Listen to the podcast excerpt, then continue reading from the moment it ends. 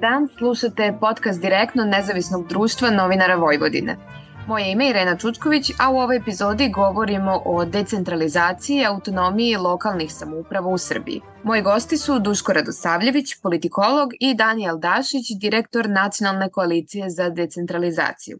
Decentralizaciju najčešće definišemo kao ukidanje ili slabljenje centralizacije, odnosno prenošenje funkcija centralnih organa na niže organe vlasti i proširenje njihovih prava. E, s tim u vezi pitanje za Danijela, zbog čega je decentralizacija dobra, odnosno šta sve ona pruža građanima u lokalnim zajednicama? Pa decentralizacija je suština svega. Ja kad me pitaju uvek e, koristim jednu staru izjavu Napoleonovu koja kaže da se iz daljine može dobro vladati, ali se samo iz blizine može dobro upravljati stvarima. I mi smo svaki dan svedoci a, gomile primjera zašto u suštini centralizacija ništa. Evo sad ne znam koliko ste vi propratili, ali ova zadnja priča sa visećim mostovima u Ovčar banji je jedan najbolji primer zašto je centralizacija loša i zašto cela ova priča sa a, tim padanjem mosta je mogla biti izbegnuta. Zato je bitno zašto je ovaj, a, baš ovaj primer mosta, Visećeg mosta u Ovčar banji, a, najbolji pokazatelj kako decentralizacija je maltene neophodna da bi a, ova zemlja preživjela, da bi ljudi ostali da žive u njoj. Jer a, s jedne strane ima tu ogromnu migraciju iz manjih predela, manjih krajeva, manjih mesta prema centru, a s druge strane vidimo da se a, sve više moć a, da upravljaju svojim svakodnevnim životom odlači prema nekim centrima koji više nisu ni dodirljivi na, ni na koji način. A, ako znamo da su ti mostovi pravljeni još pre 60 godina, a, i da su potreali do sada, otpada na teorija vlasti da su to nebezbedni i nekvalitetni mostovi. Jedino što su ti mostovi tražili je održavanje. I to je trajalo do te neke 2018. godine kada je zadnji put rađeno. Nakon toga država preuzela kontrolu nad celim područjem a, kroz te famozne planove a, proglašavanja područja posebnih namena i kao rezultat imamo da sad više niko ne zna ko je zašto odgovoran, šta ko radi, kako radi i dolazimo u situaciji koje su bukvalno uh, iz nekog Monty Pythonovog letećeg cirkusa da uh, taj neki inspektor da bi opravdao bilo šta i spasio nekog, uh, štampa nekako rešenje o zabrani prelaska preko te reke i stavlja ga na taj most 14. oktobra dan nakon što on pao.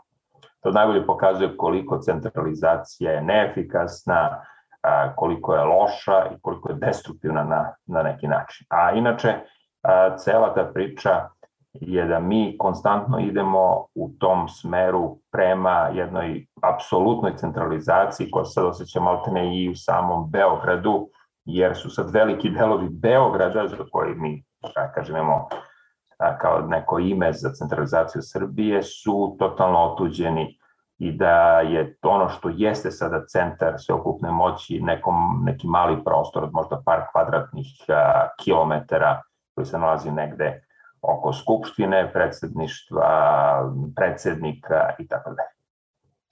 E, sad, s obzirom da smo čuli od Danijela zbog čega je decentralizacija dobra za građani lokalne zajednice, e, Duško, šta vi mislite, odnosno da li biste rekli da u Srbiji uopšte postoji politička volja za decentralizaciju? A vidite, to je, e, e, e, vi ćete teško naći protivnika pravog decentralizacije. To je jedna od onih čarobnih reči koja što kaže sve govori, a ništa nam ne otkriva. I to su te mantre, ono znate, mir u svetu, borba protiv ozonskih rupa, ovo što se sad traži lek protiv side, lek protiv ove, ove da ne kažem, pandemije i tako dalje. To su sve te znači stvari koje niko neće reći nisam protiv toga ali se đavo uvek krije u malim detaljima. Znate, ovo je zemlja prvo jako osiromašila i to je ono što mi sebi teško možemo da priznamo koliko je ona opala u bruto dohodku, evo sad koliko opala u populacijonom nekom ovome smislu. I sad sa te strane nešto kapitala postoji. Ako bi taj kapital se još malo pod navodnicima razvuko po opštinama, po gradovima, po regionima ili tako dalje, onda biste imali situaciju da onaj koji je gospodar političkog života, gospodar političkog života on slučaju znači gospodar naših novčanika, ne bi imao baš toliko veliku ni moć, ne bi imao toliko veliku ni mogućnost, da kažem, upravljanja ljudima stvarima, a ne bi imao, da tako kažem, ni određene tantijeme. Da li on, da li grupi, grupa oko njega i to je nešto što je 32 32 godine, 32 godine je već više straniči u Srbiji, da vi imate i normalne ljude koji se vide da ovo nije dobro, vide da nije dobro da evo ja sad recimo kažem kolegi iz Niša, znaš tamo bi trebala da bude bolnica, on kaže gde je, pa negde bliže nekoj planini, on kaže pa planina 50 km i tako dalje. To su neke stvari koje mi stvarno dođemo, ne poznajemo geografiju, ne poznajemo Srbiju, ne poznajemo ove mogućnosti, dođemo na vlast. I onda kako mi da vodimo računa o to nekim mostovima? To se sad posle pita zašto su uopšte viseći mostovi u nadležnosti Republike Srbije? Zašto je viseći most između Sremske i Mačvanske Mitrovice koji je pravljen e, samodoprinosom i koji je pravljen velikom željom dva dela, dve Mitrovice da, da, da mogu ljudi da prelaze, da, da komuniciraju, jednostavno ne priča ono što je od sveta i veka, da ljudi putuju, prelaze, idu na posao, vraćaju se nazad. Zašto to uopšte treba da bude briga bilo kog resornog ministra u Beogradu koji čak ne mora da čuje, kao što ja neki dan do, do, do tragedije nisam čuo da postoji taj most. Taj most je potreba ljudi koji žive na. Neki dan sam putovao autobusom i, i redko putujem gradskim autobusom, ali putujem. I ja sam se bojao da će se autobus raspasti koliko smo mi bili i pitao se se da li o početku 21. veka Novi, Novi Sad zasluži da ima takve autobuse. E onda mi ljudi kažu, pa ti si putao autobusom koji još postoji. Kupujemo mi nove autobuse, ali e to je ta priča, znate, kad vi neke stvari koje su jako blisko ljudima popnete na nivo države, nivo tog u, u centralnog Beograda, odnosno tih, što kaže ovaj, Dašlić, nekih, kako se zove, 2-3 km oko tog centra Beograda, naravno da ljudi ne mogu imati taj, da kažem, ja sad nas našel osjećaj za feeling za mala mesta, oni misle sasvim dovoljno što vi žite u zemlji, pa vidite, pa mi smo zemlja svetskih prvaka, pa mi smo zemlja Novaka Đokovića, pa mi smo zemlja i tako dalje. Ne, mi smo zemlja onog prosječnog građana koji ne može da ostvari bilo koje svoje pravo, jer jednostavno, evo zašto, e, da ne bude politiziranje. Zašto gradonačelnik Novo Sad i njegova ekipa ne mogu da saslušaju ljude koji e, na šodrošu se tuku, da kaže da elementarno pravo građanina da kaže da mu se ne sviđa da bude most. Ne da ne bude most, mostovi su potrebni, nego zašto mora da bude most koji će uništiti šumu, koji će ubi, ovaj, uništiti biodiverzitet i tako dalje. Pa ti ljudi koji tamo se okupaju, koji dolaze e, da provede svoje vreme, koji dolaze jednostavno u prirodu, kako god hoćete, pa valjda oni imaju pravo da kažu kakva im treba lokalna zajednica i kakva im treba politika. E, hvala. E, Daniele, koji su to zapravo faktori ili pokazatelji koji možemo na neki način izmeriti decentralizovanost ili stepen decentralizacije u jednoj lokalnoj samoupravi? Mi obično volimo da taj veliki problem decentralizacije o kome Duško je popričao, podelimo na manje probleme i rešavamo ih zasebno. U suštini mi možemo da definišemo decentralizaciju na tri elementa. Jedno je politička autonomija, drugo je finansijska autonomija, treće je teritorijalna autonomija jedne teritorije, jedne, jedne opštine grada. I a, mi kako vratimo film natrag vidimo da zadnjih 12 godina su sve te tri autonomije drastično pale. E, imali smo, da kažem, tačno da postoje taj trend za 30 godina gde to opada, ali smo imali par pikova, recimo od 12 do 14 smo imali vraćanje nekih ingerencija, pa smo imali neke dobre pomake u od 2000 do 2008. 9. godine, tako da bili su neki dobri pomaci, ali nažalost čim, čim se pokazalo koliko ti pomaci sklanjaju moć iz ruku čelnika vlasti, onda je ona ta famozna politička volja nestajala. Ukratko, znači politička volja je da koliko mi izaberemo nekog da nam bude ili gradonačelnik ili odbornik ili bilo, taj bi prvo i prevashodno morao da bude odgovoran ljudima koji su ga birali, a ne njegovoj političkoj partiji. Tu imamo neke pomake jer je u strategiji reforme e, lokalne samouprave, reforma izbora na lokalu, nešto što će biti temu sledećih nekoliko godina, 4 do 5 godina, da bude priprema za možda neku obsežniju izbornu reformu na, na centralnom nivou i promena tih političkih nekih moći može da dovede i do nekih drugih stvari. Drugi je finansijska. Mi od 2011. ili 12. mi više nemamo lokalnu samoupravu koja zna tačno koliko, koliko novca raspolaže. I ne postoji tačna, do tada su postojali određeni kriterijumi tačno znalo koliko ima škola, obdaništa, ne znam, puteva, sela, postojala jasna matematika da, da se definišu ti lokalni budžeti. Sada se ti budžeti definišu bukvalno kao na pijaci, pogotovo imajući u vidu a, sve veću veću tendenciju a, tih nekih vanrednih transfera, gde nažalost najbogatiji dobijaju najviše i to su uglavnom transferi iz nekih budžetskih rezervi, što veoma otežava praćenje kako se ta sredstva troše.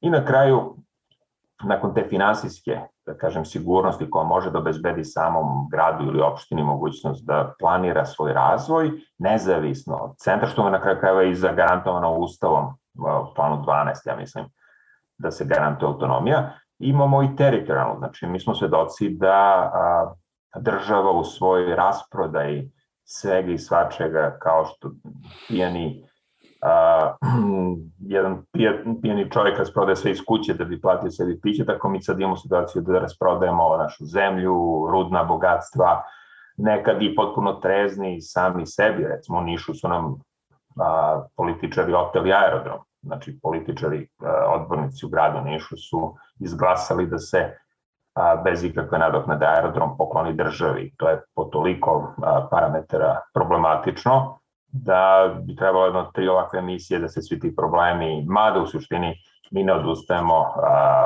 Suština svega je da vlast se toliko lepo uvukla kao jedan kancer u svaku instituciju ovog sistema i drži je u svojim nekom, nekom čvrstom stisku, tako da mi imamo te da, sisteme bezakonje i nezakonitosti na svakom koraku. Ja sam inače, pošto sam građevinski inženjer, a i volim tako malo da se bacim tim pravnim stvarima, sam pratio ovo Košodroša i imali smo posetu, iz Niša smo dali podršku ljudima koji tamo borave i suština cele ove priče je da se građani kad, kad se podvuče linija, građani se bore da bi ova država poštovala svoje sobstvene zakone. To je najveći problem od svega. Imajući u vidu sad sve ovo rečeno zapravo, šta je ono što smatrate da bi na nekom sistemskom nivou trebalo rešiti kako bi se i obezbedila, a kasnije očuvala decentralizovanost lokalnih samouprava u Srbiji?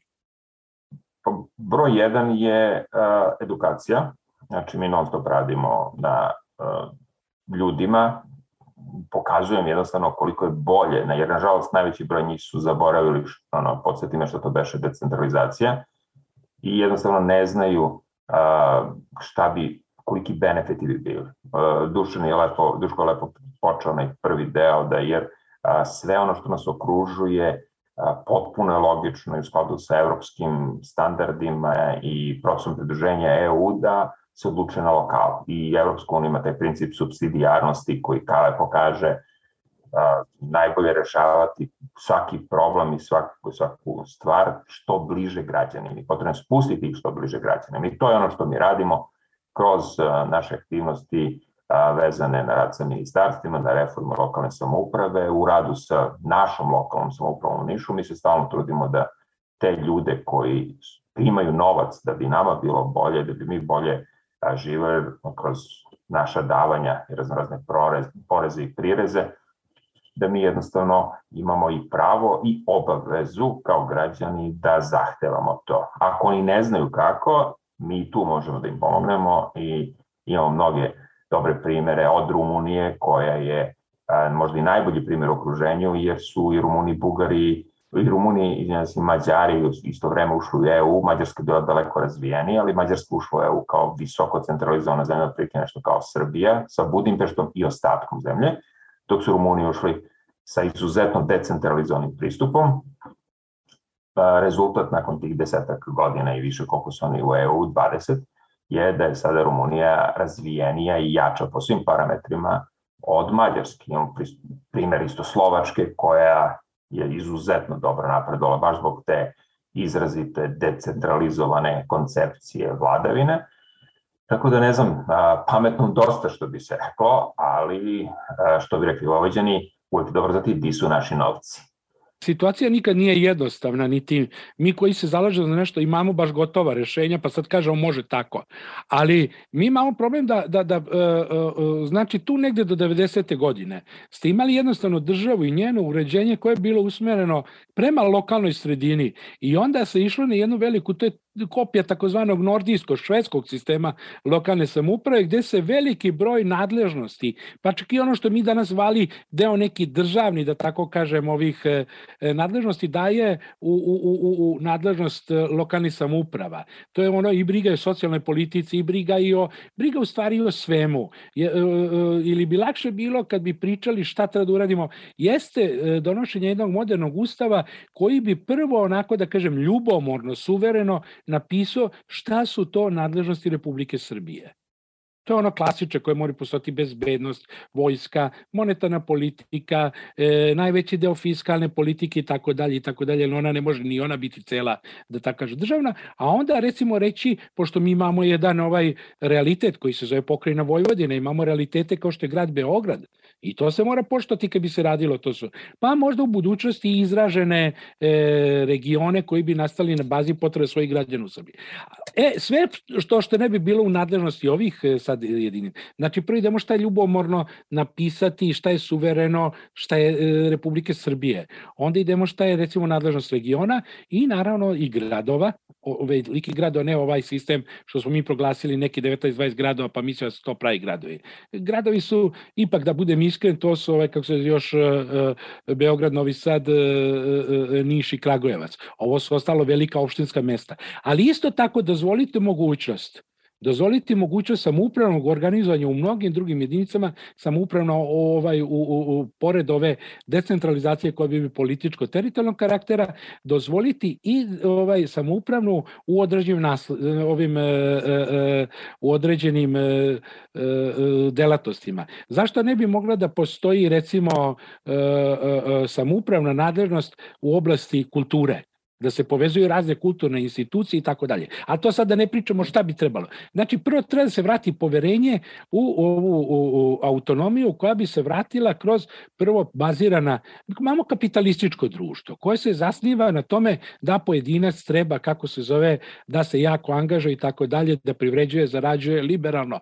Ali taj pojedinac ima isto tako izraženu i potrebu da se udružuje u razne, da tako kažemo, i, i, i, i, i ekonomske i civilno-društvene i političke i druge kako zove asocijacije, jedna od njih sigurno jeste i autonomija koju bi imao da iskaže u formiranju svoje lokalne zajednice. Znači moramo e, odbaciti koncept pretrane centralizacije koji jednostavno guši jer mi e, onda imamo sistem, evo sad će da se bira vlada od 25 ovih neki, neko bi pomisle su to 25 vrhunskih mudraca koji su sišli sa Olimpa, a to su isto ljudi koji mi i vi koji vrlo često osim političke političke pripadnosti ništa i ne kvalifikuje da budu ministri, niti znanje određene oblasti i tako. E sad takav recimo treba da, da e, posreduje u tome da donese odluku da li ili da zabrani da se diže ovaj čuveni spomenik u Novom Sadu. A čovjek ako je recimo došao i sasvim neke druge oblasti, recimo, kako, ministar, on bi trebao da bude ministar za recimo lokalnu samoupravu i sad bi on trebao da odlučuje da li u Novom Sadu treba, pa ljudi, o, cela ta priča koja spomenika, ona zahteva prvo jednu stručnu, nauču i tako drugu debatu, ali bi najbolje bila da se ona obavi u okviru grada Novog Sada. Ne u okviru Preševa, Bujanovca, ne u okviru Maloga Iđoša, ne u okviru recimo brze ili krive palanke, jednostavno ovde, što, s tim da nikom od ove ne zameram da oni isključivo svoje nadležnosti tamo dogovaraju. E to je ta priča koju mi ispadne da zemlja koja se kapitalistički razvija, koja privatnu inicijativu podstiče, koja čuli ste ono, pa nećemo mi stvari socijalizma, nikako ne da da ljudi sami onda svoje inicijative iskažu. Znači mora se vratiti poverenje u građana. To je prva. I budući ustav koji se bude pravio, a dao Bog da on što pre se donese, jer jednostavno on sad koči Srbiju u mnogim stvarima, da ne nabrajemo, ali ovo je sigurno Ovaj ustav onemogućuje društvenu inicijativu i e, e, onemogućuje recimo najobičnije zborove građana. Vi po e, onemogućuje korišćenje sala mesnih zajednica običnim građanima. To je znači jednostavno zato što on isključivo sprovodi političku volju one one ove organizacije koja je trenutno vlasti partije. I onda ispadne da su svi ostali izvan zakona, oni su neprijatelji, bez obzira koliko su u pravu, bez obzira koliko im je dobra inicijativa, a i, i, i, i bez obzira koliko je inicijativa lokalna. Hvala, vreme je da i za slušalce zaključimo ovu epizodu podcasta direktno u kojoj smo govorili o decentralizaciji lokalnih samouprava u Srbiji zajedno sa našim gostima Danielom Dašićem i Duškom Radosavljevićem. Hvala vam mnogo. Ova epizoda podcasta realizovana je uz financijsku pomoć programa tranzicione saradnje Republike Češke.